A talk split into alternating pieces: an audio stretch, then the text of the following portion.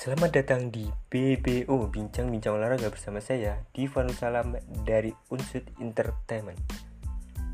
Pada pagi hari ini saya akan membawakan berita dari Liga Italia dengan topik Pulih dari COVID-19, Cristiano Ronaldo kembali cetak gol. Ronaldo hanya butuh 3 menit usai comeback untuk mencetak gol keempatnya musim ini sekaligus membantu kemenangan Juventus Mega bintang Juventus, Cristiano Ronaldo, yang sudah berusia 35 tahun, mengaku senang comebacknya berbuah dua gol yang membantu kemenangan La Vesia Signora.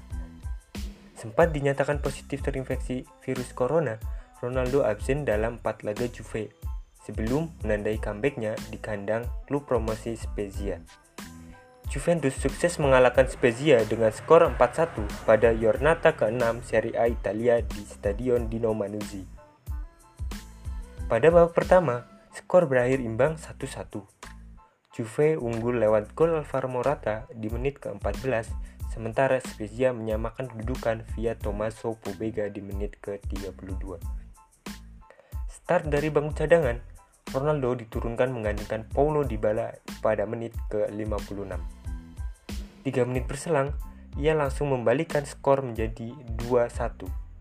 Juve menjauhkan keunggulan melalui Adrien Rabiot di menit ke-67 dan Ronaldo mengunci kemenangan Juventus lewat golnya dengan sepakan penalti di menit ke-76.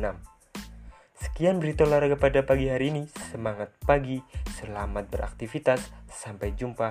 Salam olahraga, jaya.